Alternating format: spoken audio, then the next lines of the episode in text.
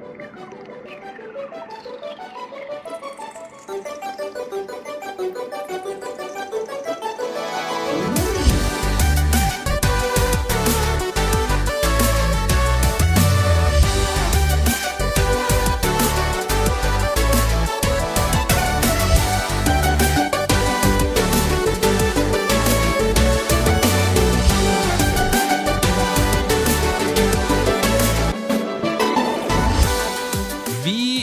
Nederlandslaget bruker veldig mye tid på anmeldelser. Det tror jeg egentlig alle spillredaksjoner gjør eh, som anmelder spill. Vi knuser oss gjennom spill med iver og glede, og forsøker da å destillere den opplevelsen ned til noen tusen ord om hvorvidt vi kan anbefale den spillopplevelsen eller ikke. Men hvorfor gjør vi det? Hvorfor lager vi egentlig anmeldelser? Er det utelukkende ren underholdning, eller har det noen verdi utover det? Det er et interessant spørsmål som vi i NL ikke nødvendigvis har svaret på. Eh, derfor har jeg invitert inn hit til Sidequest spillanmelder Andreas Viking Bjørkhaug i Level Up. Hei til deg. Hei til deg. Og redaksjonssjef i gamer.no, Audun Rodem. Hallo, hallo. Velkommen tilbake. Takk for det. Deilig. Alt dette her det begynte egentlig med et par sånn gjentagende innspill til denne debatten, som har kommet i ulik form det siste året inne på vår Discord-server. Eh, Her er den representert ved brukeren WizGave. Dette er ikke for å ha fullt fokus på deg, men du er en av dem som har nevnt noe à la dette. Se på det sitat. Det er flere som har skrevet da lignende utsagn som dette. Her kommer sitatet. Personlig så ser jeg på spillanmeldelser som ren underholdning. Det er ganske mange år siden en anmeldelse hadde noen som helst påvirkning på spillkjøp for min del. All den tid man kan kalle brukeranmeldelser verdiløse, altså user score osv. på metakritikk, så har jeg også lest anmeldelser fra kritikere i anførselstegn som har vært like verdiløse. Skriver da brukeren WizGave inne på Discord. Hei til deg.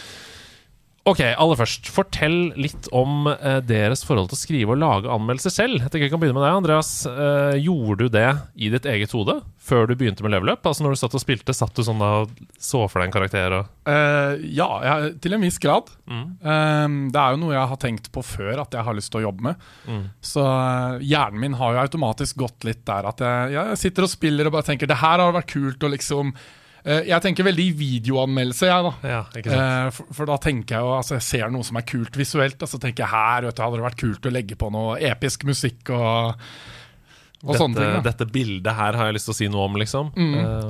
Eh, mm, det er jo litt sånn todelt. Jeg tenker anmeldelse, men jeg tenker også litt sånn spilltrailer-aktig. Ja. ikke sant? så du, du når, når du spiller spillet, så tenker du sånn Dette var et kult øyeblikk, det kunne jeg starta en anmeldelse med. Ja. For det definerer på en måte spillopplevelsen. Mm. Du har jo laget et par anmeldelser i Level Up som har fått også mye skryt. Du, Mm. Er det en du er spesielt fornøyd med?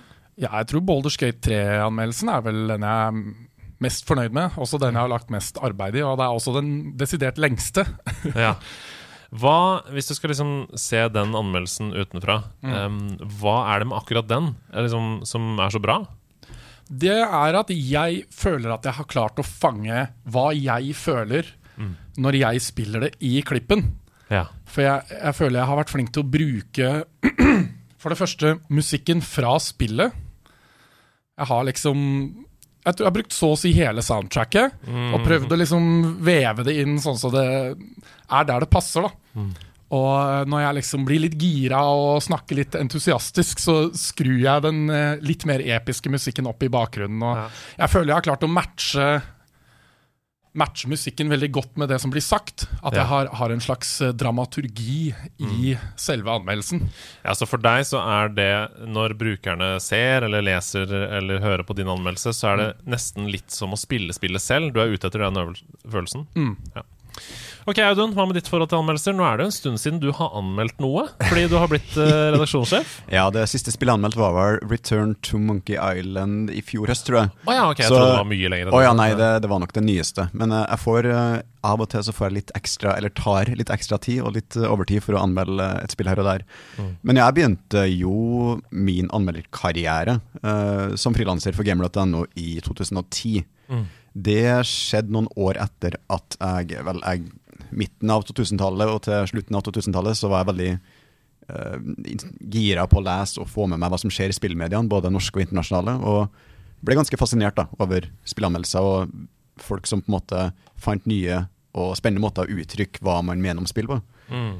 Uh, og det var vel rundt ja, da jeg begynte på masterstudiet at jeg uh, tenkte at jeg, kanskje, kanskje jeg kan også gjøre det her. Så jeg Ja. begynte å øve meg på å skrive om spill. Jeg begynte å lese spillanmeldelser og tenke hvordan er det bygd opp, hvorfor er det bygd opp sånn. Ja.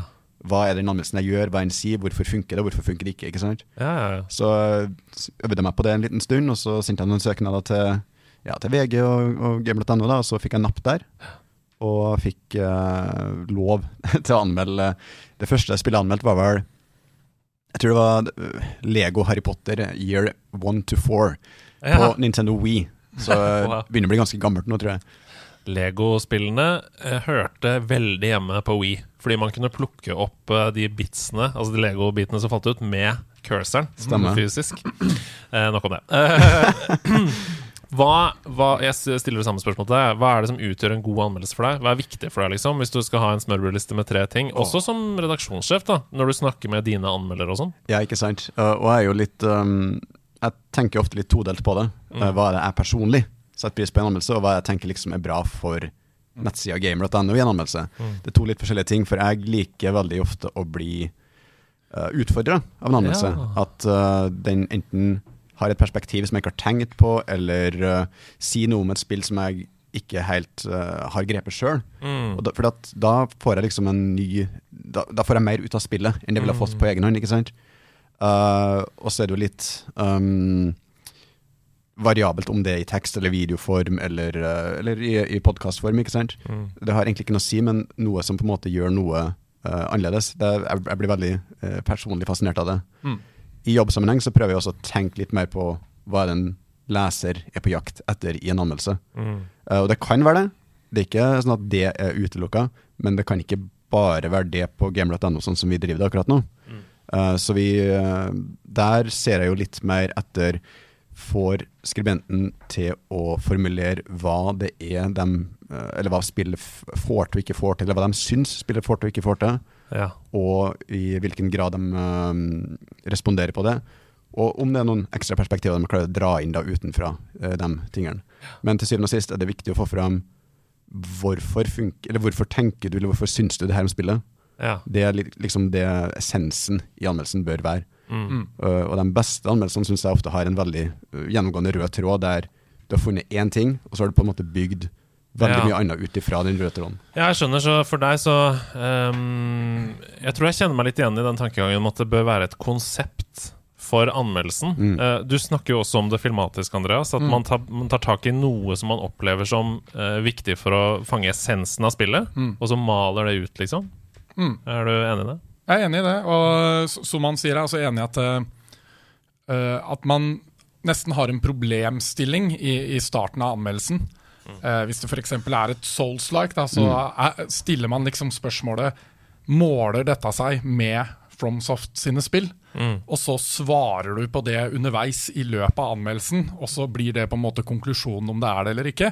Det syns jeg er en fin måte å snurpe det sammen som en fin pakning på. Dette er litt interessant for meg, for uh, det kan godt hende det blir litt temperatur her i dag. Jeg tror jeg har noen kontroversielle meninger knytta til uh, dette te denne tematikken. Og vi kan begynne å snike oss inn i det, fordi du, du sier her nå uh, Sette det opp mot andre spill, f.eks. i FromSoft-universet. Hvis det er et Mario Kart-spill, sette det opp mot andre karting-spill. Ja. Ikke sant? Ja. Må en anmelder ha kunnskap om sjangeren man er i? Uh, og samme liksom uh, Hva skal jeg si? Om ikke sjanger, så hvis du drar det til musikk, da. Ja. Eh, du, er det greit å sende en klassisk musikkanmelder på en rockekonsert? Eh, er det greit å sette en person som aldri har spilt et um, uh, JRPG før, som bare har spilt plattformspill, til å anmelde et JRPG? Hva tenker dere om det? Jeg uh, syns jo prinsipielt, prinsipielt at ja, det er greit. Det, du kan gjøre egentlig hva du vil, så lenge det kommer en interessant anmeldelse ut av det. Ikke sant? Eller en anmeldelse som har noe å si. Mm. Det er ikke verdt å sende en uh, rockemusiker til klassisk uh, konsert med mindre det er en tanke om hvorfor. Ikke sant? Da, da må du ha et annet perspektiv enn hvordan er det her som et klassisk musikkstykke målt opp mot kanoen av klassisk musikk, eller hvordan er uh, fremførelsen av det her stykket. Da må du ha tenkt litt annerledes. Da må du på en måte finne en annen hook, en annen vinkling. Ja, for da er vi nærmere på underholdning enn på en måte brukerverdi. Hvis jeg er en klassisk eh, interessert lytter og lurer på om dette verket, fremførelsen av dette Beethovens eh, syvende, eh, kan måle seg med en tidligere fremførelse av Beethovens syvende, det er da ute av vinduet. Ja. Det, ja. ja, men det, det, det, i den anmeldelsen her så er det jo det.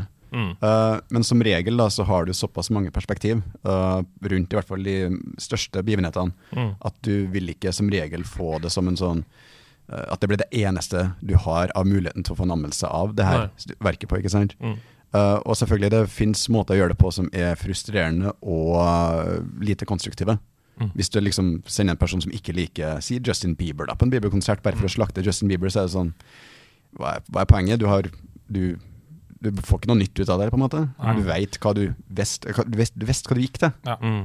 Jeg, jeg, jeg har lest anmeldelser hvor det er veldig tydelig at anmelderen bare ikke liker sjangeren i det hele tatt. Mm. Uh, det er som du sier, det, det, det kan jo være interessant å få et unikt perspektiv på det, men da føler jeg det på en måte må være litt gimmicken med anmeldelsen. At, det er, at folk er klar over det når Ja. de leser det.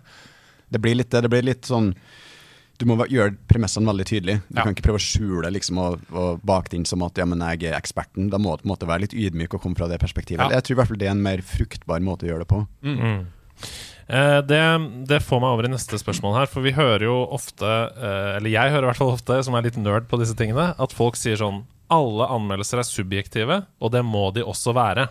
Sitat slutt. Mm. Hvorfor må alle anmeldelser på død og liv være subjektive? Finnes det dette er åpent spørsmål til dere. Fins det ingen objektive sannheter om hva som er godt og dårlig håndverk i spillsammenheng? Jeg, jeg, er jo litt, jeg har tenkt veldig mye på det her, så jeg skal prøve å formulere meg i korthet her, men jeg kan sikkert snakke om det her i et par timer. Um, Men det er bra, for da får vi det fra faglig, og så får vi det, kan vi få det fra følelsesmessig eh, på Andreas etterpå. etterpå. Jeg, jeg tror jo når folk er på jakt etter en objektiv anmeldelse, så må du tenke på hva det egentlig de spør om. For hva, hva er det det betyr? Altså En objektiv sannhet er noe som er falsk, eh, altså verifiserbart, ikke sant? To pluss to er fire. Yes. Jeg tror ikke man kan si det samme til syvende og sist om anmeldelser, på en måte, ikke på det nivået. ikke sant? Men det er ofte det man sier at når alle anmeldelser er subjektive, så er det det perspektivet man tar. At en objektiv sannhet har ikke mye i en anmeldelse å gjøre, eller det har, ikke, det har en verdi som faktagrunnlag, men uh, det subjektive perspektivet vil uansett slå inn. Mm. Så til syvende og sist så er utgangspunktet for enhver anmeldelse subjektivt. Mm. Jeg tror det er litt sånn man kan tenke på det.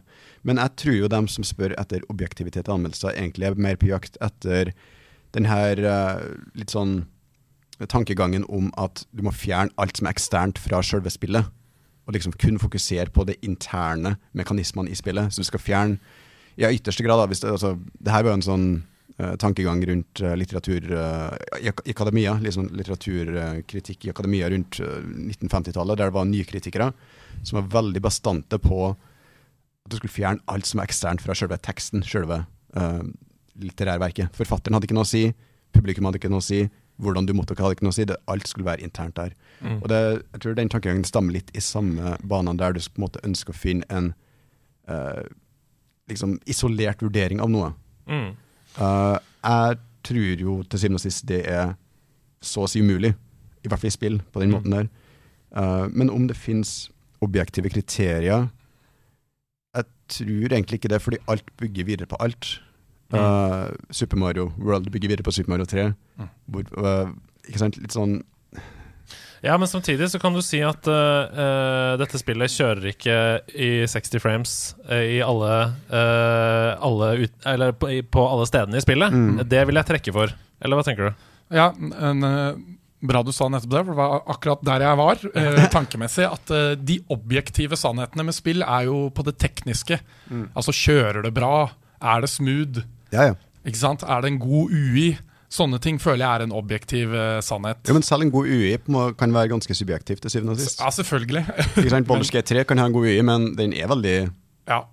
Grindy, på en måte, hvis du skjønner hva jeg mener. Mm. Ja, Baldur's Gate 3 har ikke den beste UI-en, skal jeg faktisk eh, ærlig innrømme. Akkurat her er jeg enig med dere, for jeg kritiserte jo UI-en til Foresta Motorsport, som kom nå. Jeg ga det 70 av 100, og sa at jeg eh, opplever at den er veldig generisk og ser ut som en eh, ungdomsskolepresentasjon i Powerpoint. Eh, der Gran Turismo 7 er mer kunstnerisk, har eh, mye mer sjel eh, lagt ned i arbeidet med det grafiske. Og fikk jo selvfølgelig med en gang tilbakemelding om at jeg foretrekker Foresta sin, fordi den er tydeligere. Ikke sant? Så det, eh, fra, fra lyttere, da. Så det, det er jeg helt enig i. Akkurat det er subjektivt. Men jeg syns Altså, jeg leser kritikk av Høstutstillingen Ja. med William Heimdal, som er en norsk figurativ eh, romantisk maler.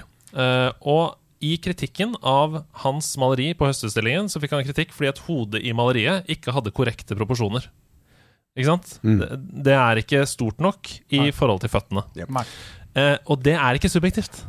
Det er jo et fag. Ja. Da står anmelderen der og sier at dette er malerteknisk ikke godt nok.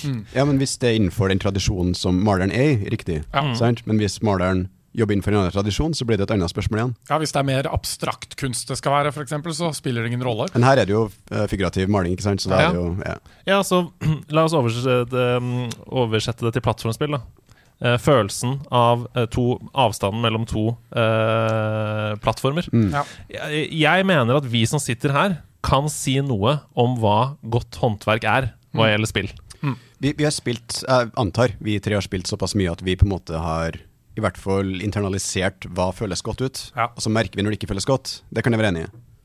Uh, men tilbake til det tekniske du snakka om, f.eks. Uh, om framerate. Ja. Jeg husker jo f.eks. Jon Cato uh, anmeldt Deadly Premonition, Mm. uh, som er et spill fra jeg tror 2010 eller noe sånt. Et spill som er teknisk problematisk. Det har frames ned i 2015, Mm.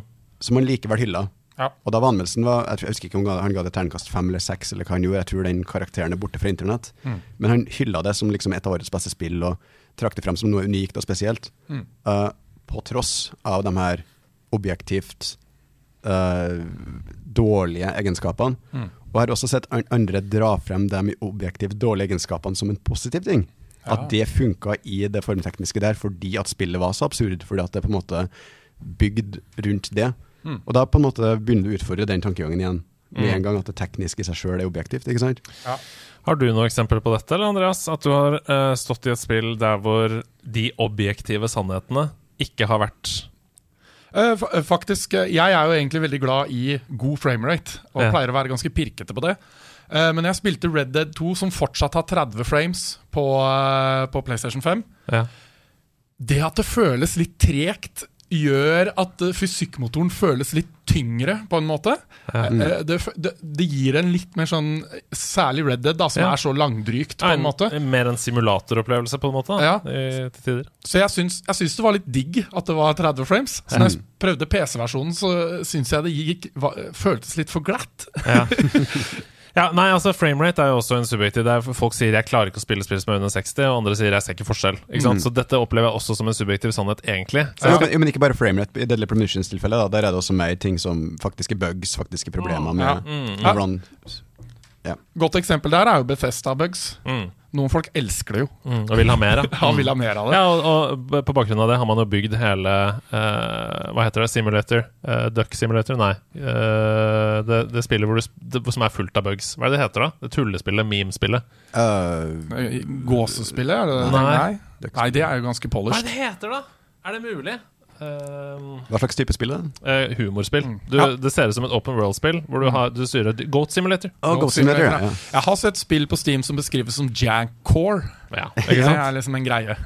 Ja, nei, men eh, ok, vi skal bore oss opp av dette her igjen. For jeg, Grunnen til at jeg står i dette her nå, er at jeg syns at det å si at spillanmeldelser er 100% subjektive, det er å redusere journalist- og kulturkritikerfaget, som jeg opplever at det er et fag, til noe hjernedødt Det er enig. Det er og enig i. følelsesstyrt. da Jeg, jeg mener jo f.eks. at Rune Fjell Olsen vet veldig mye bedre enn en tilfeldig spiller hva som gjør et skytespill til et godt skytespill. Og det er ikke subjektivt. Det, det kommer jeg til å Jeg die on a hill for det. For det. Og det, det er fair. Det, det er mer sånn prinsipiell tankegang når man sier anmeldelser er 100% subjektive, er at til syvende og sist uh, så er vurderinga, eller altså hvordan man argumenterer for det, er ikke subjektivt. Men vurderinga i seg sjøl kommer fra en person Ja. som opplever noe. Derfor blir det subjektivt, men det kan være basert på at den personen har masse erfaringer eller masse ehm, kredibilitet eller spilt i mange år. Mm. Men det er fremdeles fra den personens ståsted. Te teknisk sett så er jo alle dine objektive meninger fra et subjektivt ståsted. For du kan ikke være noen andre personer enn deg. Nei, men kan vi Sånn ikke utfordre det litt, da? Og si at uh, jeg har lært om dette fra en foreleser. Ja. Så det er, ikke mi det er hans meninger, og han har lest i en bok. Han har utdannet seg til å vite at sånn er bra spillutvikling på Ja. NITH. Så det er ikke mine meninger. Jeg bare resiterer noens uh, sannhet om at hvis du skriver uh, 'subject er lik ba-ba-ba' i denne koden i spillet, så blir det sånn. Derfor Ja. er det bra. Men dems sannhet igjen, da, de som har skrevet boka, Ja. stammer jo da også fra et subjektivt ståsted. sånn sett. Nå er jeg bare vanskelig, men eh, Kverulant. Velkommen til Kverulant Sidequest. Ja, ja, men det er meningen, det. det, det jeg jeg synes at dette er Jeg er jo veldig nerd på dette, som sagt. Ja. Men, jeg- men jeg syns det er såpass viktig å snakke om, fordi man slenger rundt seg med utsagn hele tiden som devaluerer den jobben som veldig mange spillanmeldere gjør. da Ja. Ja. Eh, Jeg tror det var litt jeg prøvde å komme til da jeg eh, Jeg tror ikke jeg fikk formulert det så bra, men jeg tror når man må se hva folk spør etter når de ber etter obje eh, spør om objektiv anmeldelse Fordi ja, i seg sjøl så gir ikke det helt mening, men det, det jeg tror de ønsker mer formteknisk approach, som det du var inne på, Mm. der det er mer uh, fokus på eh, bestanddelene i spillet i seg sjøl, og kanskje ikke så mye på hvordan det er ofte. da, I de Mm. tilfellene jeg har lest om, så er det mye kritikk rundt at anmeldelser drar inn kulturelle perspektiver. Ja. Eller uh, ting som handler med samtiden. Eller uh, ta f.eks. å kritisere Call of Duty pga. Uh, våpenavtaler, f.eks. Mm. At den typen ting bør holdes utafor spillet. ja, Ja, ikke sant? Det, er sånn, det er sånn jeg ofte opplever den kritikken. Ikke alltid, Nei, men, ofte. Tenker du på Andreas?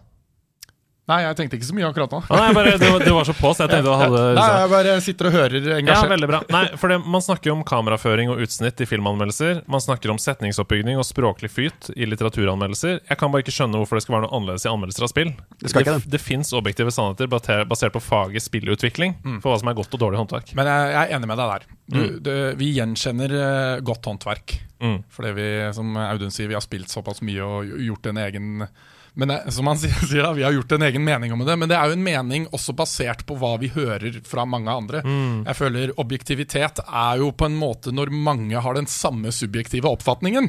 Og det er jo også grunnlaget for å lage noe som kalles et bevis. Det er bare at du gjør en hypotese mange ganger, og så får du det samme svaret hver gang. Ja, Ja. da er det et bevis, eh, på en måte. da Men ok, eh, vi må snakke litt om score. Eh, det som begynte Jeg husker ikke hvem det var som fant opp i Norge. Jeg leste en artikkel om akkurat dette fra Kristoffer Pale. Uh, han i Dagbladet, vet du det? Um, ja. ja Som fant opp terningkastet. Mm. Men la oss snakke om score, fordi det er nok egentlig mindre relevant. Jeg, jeg opplever at det er en liten sånn dissonans her. Mm. For selv om jeg mener at anmeldelser eh, skal inneholde noe objektivitet, altså jeg mener at folk skal, skal kunne si det er bedre eller dårligere enn skytefølelsen i det spillet, f.eks., Mm. så mener jeg ikke at høy score er lik alle kommer til å elske dette spillet. Eh, det stemmer ikke. Super Mario Strikers, for eksempel, som kom til Switch nå, det kunne fått ti av ti over hele verden, og jeg hadde gitt det tre av ti likevel. Eh, jeg skulle egentlig anmelde det på vegne av uh, nederlandslaget, men sa dette kan jeg ikke anmelde. Det er ikke min sjanger i det hele tatt. Hasse, du må ta det. Og Hasse sa ja, kjempebra, likte det godt, ga det åtte av ti, eller noe sånt. Ja. Eh, det jeg tror jeg mener, er at fra én til seks av ti så snakker vi i stor grad om objektivitet. Mens fra seks til ti av ti så mener jeg at man spiller inn i, su i subjektivitetens verden. Oh. Eh, Jeg mener at det fins noen grunnleggende ting om dette spillet treffer på artstilen det prøver på, om det får til det tekniske i et plattformspill, om det bra, bra, lyden er i stereo, om det er så mange frames. Altså Alle disse tingene som gjør et spillopplevelse til en teknisk god spillopplevelse, bør automatisk kvalifisere litt opp på en karakterskala. Til sju, liksom. Nei, ikke så mye, Nei. men kanskje at det ligger ja, i 60 da. Ja. 50-60 Du, du tenker hvis det er teknisk helt perfekt gjennomført, men dritkjedelig, Ja, da er det fem av ti. så er det fem av ti.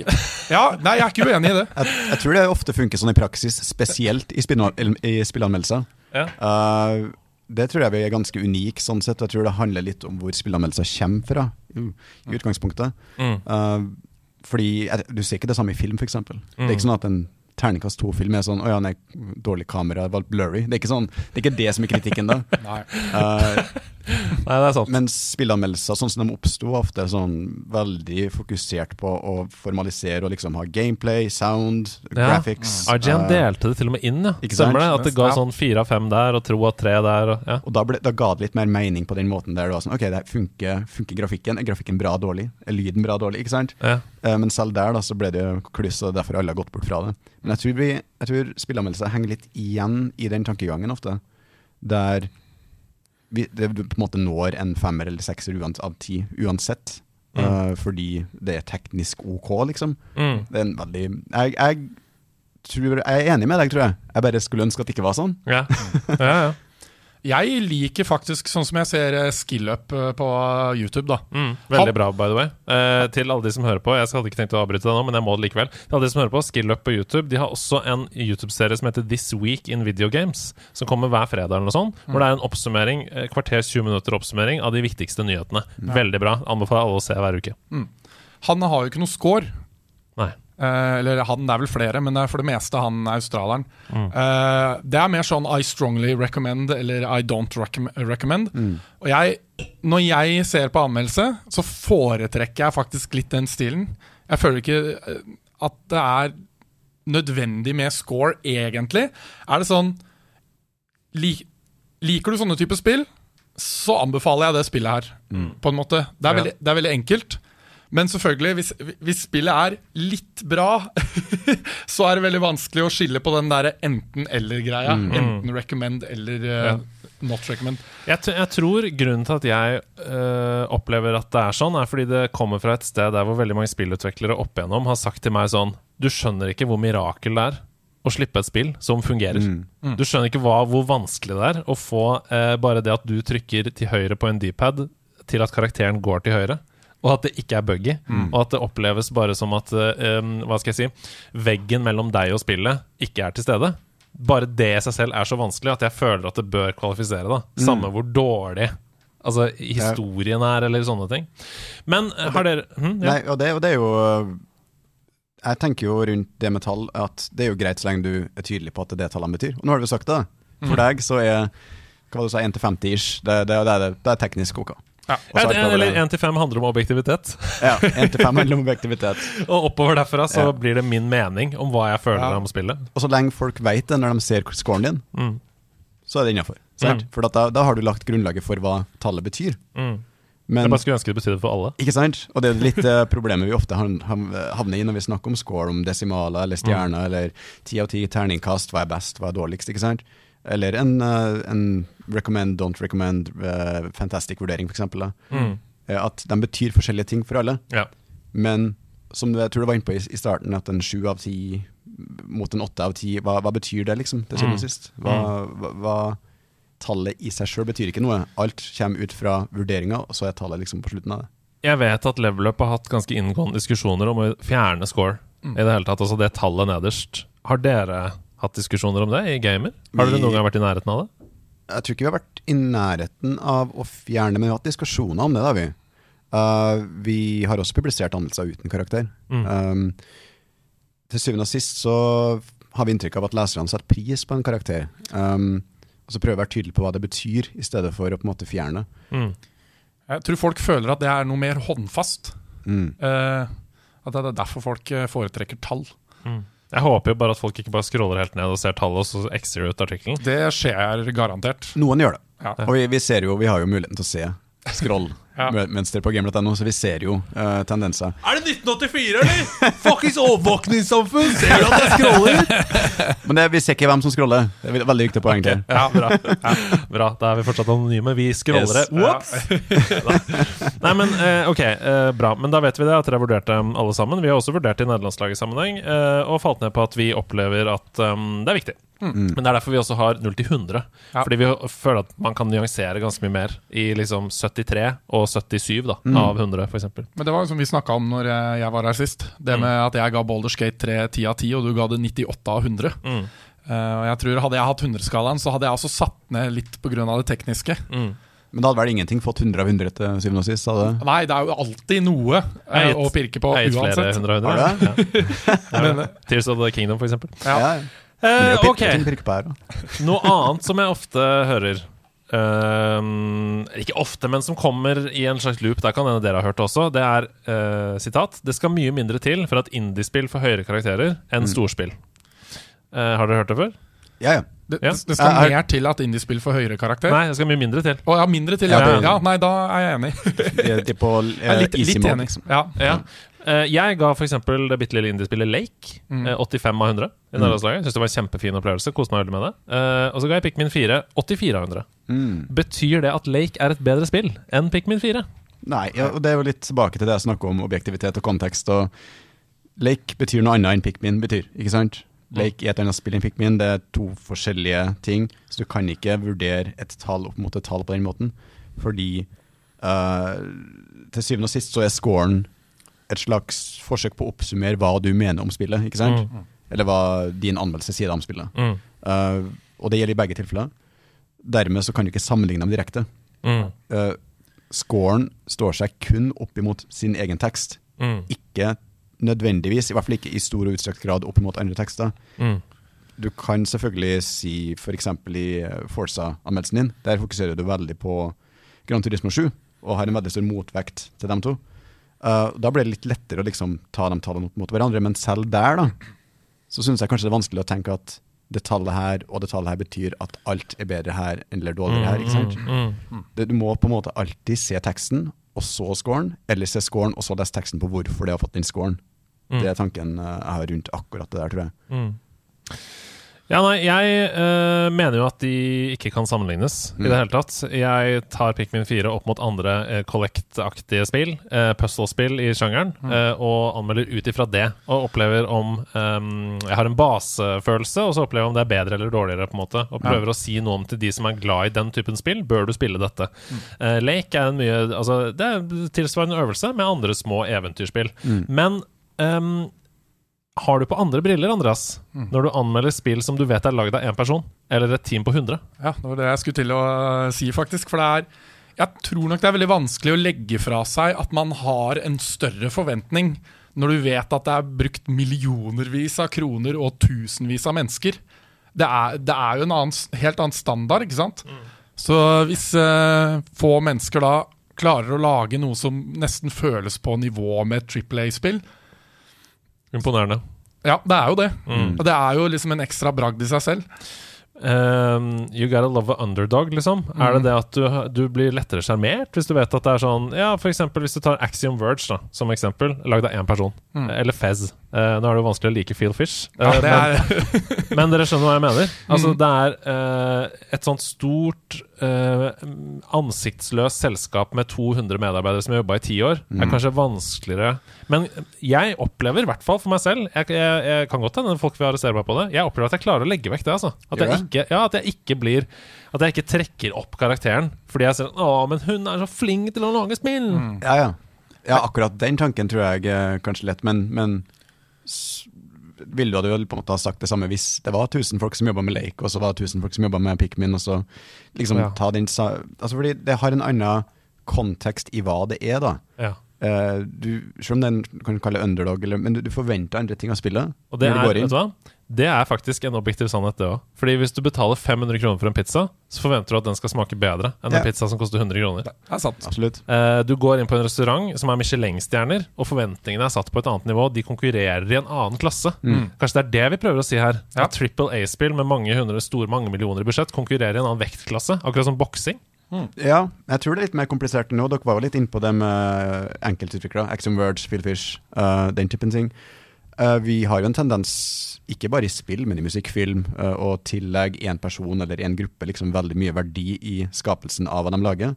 Kunst også, for så vidt. Eh, der I spill har vi jo Hideo Kojima, som ofte blir omtalt som en spillautør. Men han Metal Gear Solid 5, hvor mange folk var som jobba på det, liksom? Ikke sant? Det var Kjempeselskap. Mm. Eh, og så har vi spill som Celeste, som er mye mindre, mye mer én person, eller følelsen av enpersonsverket, ikke sant? Mm. Uh, til syvende og sist så tror jeg vi har en tendens i både film, musikk, spill og liksom hackt enkeltpersoner på det de lager, Mm. og verdsette det veldig mye mer enn ansiktsløse Assassin's Creed, der du ikke har én sånn person. Mm. Uh, og det blir nok en del av vurderinga, sjøl om man vil eller ikke, til syvende og sist.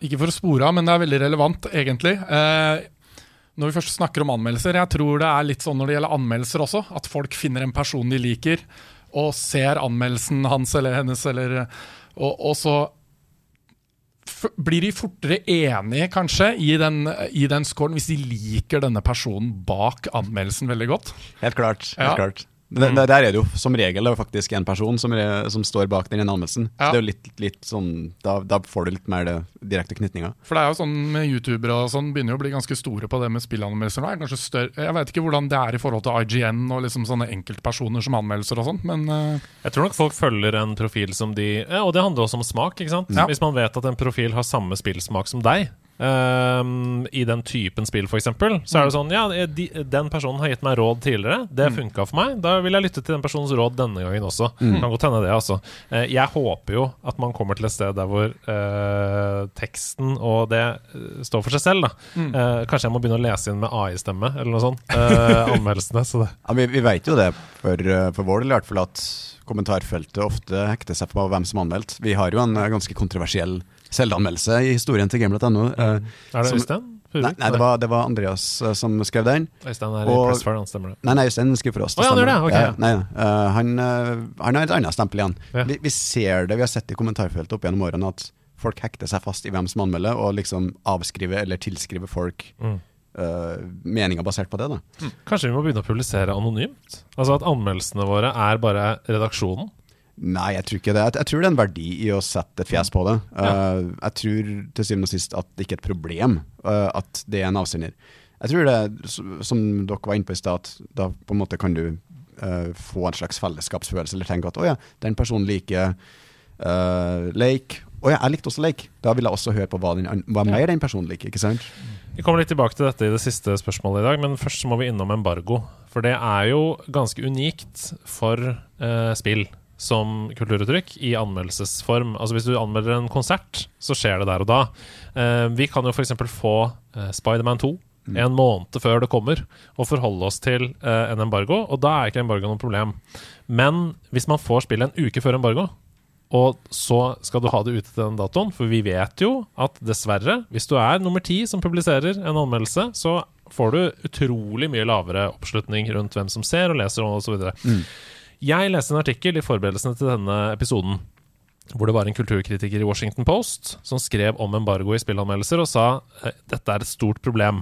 Vi s- rusher gjennom spillet eh, og får ikke en Vi får ikke en, eh, den samme opplevelsen av spillet som noen som spiller to timer om dagen, gleder seg til å skru på PlayStation dagen etter, spille to timer til, være borte fra de tre dager, spille to timer til. De får en helt annen opplevelse enn vi som må komme oss til siste boss, liksom. Har dere noen tanker om dette? Veldig mange. Um, jeg, tror, eh, jeg tror han har mye rett i det. Men, og du har helt rett i at uh, det å være tidlig ute med en anmeldelse er viktig for uh, for å få øynene på han, da. For å få, rett og slett ha det perspektivet. En anmeldelse som blir publisert en uke etter embargo eller sperrefrist, når alle andre er publisert, den blir mindre lest, som regel. Um, men jeg er ikke helt sikker på hvordan man skulle ha løst det. Fordi vi Mm. ser ofte så er spill ikke helt ferdig lenger når vi får dem til anmeldelse. Mm. Ofte så ser vi at de patches mens vi anmelder dem. Day one-patch også. Yes, Mm. Ta Lords of the Fallen for eksempel, Mm. som er et spill som er ute i dag, tror jeg. Når vi spiller inn her. Mm. Uh, det, 13. oktober. 13. oktober. Redd anmeld. Yes. Um, det har sett flere patcher mens vi anmeldte, og likevel så er det ikke liksom perfekt på slipp, men det, det blir gradvis bedre. Og litt av uh, tanken med å få det tidlig, da, er sånn, ok, det er ikke helt ferdig, skal man da vente til man er helt ferdig med spillet før vi får se det, eller Altså, det, det er noen sånne perspektiver her også. At um, Og så er det um, også litt uh, det er en positiv side med embargo, som du påpekte med Spiderman 2 f.eks., der man får, kan få spille tidlig. Mange får spille tidlig og har god tid på seg til å liksom, ta inn over seg og, og skape seg et inntrykk. Og så har man det klart til den PR-fastsatte embargodaten som jo til syvende og sist er bra for eh, dem som ønsker å skape blaster i spillet. Mm. Og det er jo det perspektivet som kanskje er litt interessant oppi det, hvor mye av det er for vår fordel, og hvor mye av det er for, for Mm. PR-hensyn, ikke sant? Mm. Um, Enig. Jeg har lyst til å spørre deg litt om det også, Andreas. Har du noen gang følt på um, forventninger fra en spillutvikler anmeldelsesgiver, altså Larian, eller at, at når du får spillet, og du vet at du er en av de få som spiller det i verden, før noen andre har fått spilt det, at de er sånn Ja, nå har du fått tilgang her, nå får du søren meg levere òg, liksom. Jeg, jeg kjente litt på det med Nå har jeg jo ikke anmeldt så mye spill, men jeg har heldigvis vært i Eller uheldigvis, kanskje, vært i den situasjonen. Eh, Når jeg anmeldte System Shock, for det Ja. fikk jeg jo tidlig kode på. Ja. Og det er jo i tillegg en veldig liten utgiver. Mm. Um, så det var liksom i bakhuet mitt at de kanskje Nå veit jeg ikke hvor mye den scoren kommer ut i verden, sånn sett, når det er eh, på et norsk, eh, norsk forum. Men jeg kjente på det, ja. Jeg gjorde det. Uh, men ikke i den grad at jeg føler det ødela vurderinga mi. Nei, eller påvirket, den. Nei. Nei, for jeg, Grunnen til at jeg trekker opp dette, er fordi um, Nå har vi nettopp innrømmet at det, har, det skader oss hvis vi ikke kan ha anmeldelse til embargo. Yeah. Det er basically. Vi yeah. lever av at folk leser det vi gjør, eller opp, uh, får, får med seg det vi gjør. Eh, og Det betyr da at utviklerne, utgiverne, sitter jo på mye makt. For de kan bestemme om de vil skade oss eller Ja. ikke. Eh, og det skjedde jo med Pressfire i forbindelse med Starfield. Mm. De fikk ikke kode til Starfield. De fikk ikke spillet. Og de spekulerer vel i De har gått såpass langt til å skrive om det offentlig at jeg føler jeg meg safe med å snakke om det her. De spekulerer vel i at det var med overlegg. At Pressfire i seg selv ikke fikk det, fordi de er på en slags liste. Basert på en annen uh, publikasjon. En, en annen, altså det var Eurogamer, som heller ikke fikk, og som skrev om dette. Um, det er vel veldig farlig utvikling? Det har alltid vært sånn til en viss grad. Uh, det er ikke noe nytt, det, hvis det er det som har skjedd der. Uh, skal sies at Den situasjonen var ganske rar på mange måter. Der, det var ikke bare Eurogamer, vet du, Nei, det var mange. hele Storbritannia. Ja, ja. Og uh, ikke for å løfte for mye på teppet her, men vi jobba ganske hardt for å få tak i den koden på Gamer også. Det var en del telefonsamtaler og Vi også. um, Og vi fikk ikke. Ja, og arbeid Uh, der det var Det virka som det var liksom på håret. Det var Ja. sånn OK, da. Litt sånn, Ja. ikke sant? Um, så jeg Grunnen til at jeg sier dette, er fordi blir man da redd som anmelder for å gi f.eks. en middelmådig karakter? da Jeg ga Forza Motorsport 70 av 100. Jeg ser at andre gir det At det ligger rundt 8,5 ish på metakritikk. Jeg ser at brukere er lavere enn det også. Men jeg, jeg, altså, jeg ga det samme som gamer. Så vi skiller oss litt ut i det på en måte lavere segmentet. skal Er det farlig for vårt forhold til Xbox? Det er mitt spørsmål. Nå har jeg gjort det her i ti år, og erfaringsmessig så er det veldig sjelden at det å gi et spill dårligere karakter i seg sjøl er det som på en måte uh, stopper deg fra å få tilgang igjen. Mm. Det er som regel andre ting. Hvis du uh, Hvis de opplever deg som um, usaklig, Ja, useriøs. useriøs Ikke har møtt Ikke respektert deres Ja. avtaler. eh, det, det er som regel ikke at 'Å nei, du likte ikke spillet, da får du ikke spill'. Som regel ikke. Jeg sier ikke at det ikke har skjedd, men vi veit ikke, liksom, de tingene der. Uh, og noen ganger får vi til gode, noen ganger får vi ikke. Noen er veldig konsekvent på å gi oss til gode uansett hva vi sier. Og noen eh, virker som litt sånn case by case basis, og, hvor vi er på prioriteringslista. Mm. Og det, det varierer sikkert også fra nerdelandslaget til Pressfire til Gamer. Um, jeg tror til syvende og sist at de gjør vurdering basert på hvor bredt Mm. man favner, Mm. mer enn hva man syns, og så er det liksom Er de seriøse? Opplever vi dem som seriøse? Um, så har det skjedd tidligere at vi har uh, Det var før min tid, så jeg husker ikke akkurat detaljene her, men at vi uh, ikke fikk kode pga. situasjoner som oppsto rundt andre ting Ja. enn anmeldelse. Nei, det er, eh, det er en skummel utvikling hvis man opplever det, da. For da, da kan man jo ikke være nøytral i anmeldelsene sine lenger, og da må man nesten bare slutte med anmeldelser.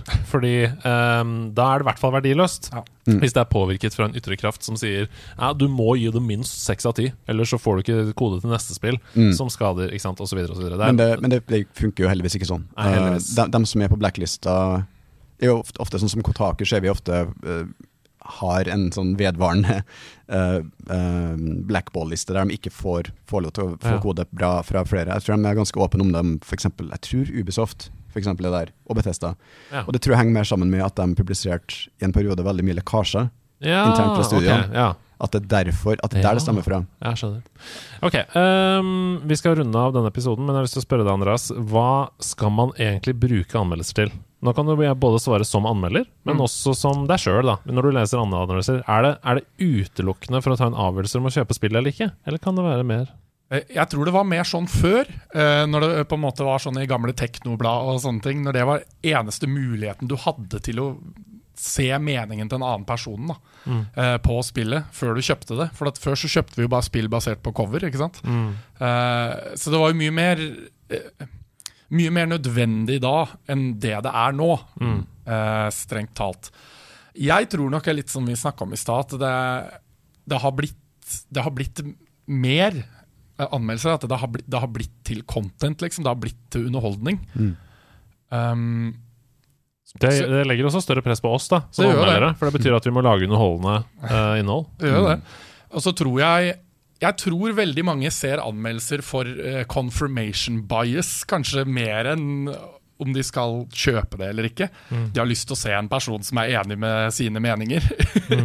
eller er det feil å si? Nei, nei, nei, og eh, det, et eh, interessant sitat her også er, kommer nok en gang opp i denne diskusjonen i vår Discord-server, hvor noen skrev For å være ærlig så ser jeg først og fremst anmeldelser for å se om de eh, mente det samme som meg. Ja. Eh, for å se om de mente det Og det handler ikke om at man vil at det skal være bra eller dårlig. Det handler om at hvis man selv uh, syns at det og det var eh, faktorer som påvirket negativt, så vil jeg se om det også er plukka opp av en anmelder. For eksempel. Så var det litt som Audun snakka om i starten her, at det er interessant å se en annen persons vinkling på noe. Så hvis du liker det, så er det interessant å se hvorfor den personen liker det, og kanskje da formulerer det på en annen måte som er uh, interessant. Da, litt sånn intellektuelt stimulerende å høre på. Det ligger nok litt der òg, kanskje. Ja, men så fint. Da er vi enige, da. Uh, det er uh, opp til oss som anmeldere å lage underholdende innhold. Um, det fins noen objektive sannheter om hva som er bra og dårlig uh, spillutvikling i de ulike sjangerne. Uh, men til syvende og sist så er det fordi vi elsker spill. Ja. At vi har lyst til å reflektere rundt det og skrive om det og dele av vår kjærlighet knytta til spillet. Enten det er fordi vi er rasende fordi vi ikke tar spillkulturen på alvor, eller fordi vi er eh, panegyrisk eh, glade fordi det er så fantastisk opplevelse. Takk til deg, Audun Rodem. Takk. Takk til Andreas Bjørkhaug. Vi snakkes igjen neste uke. Da skal vi høre om dine drømmespill! Yes! Yippoo!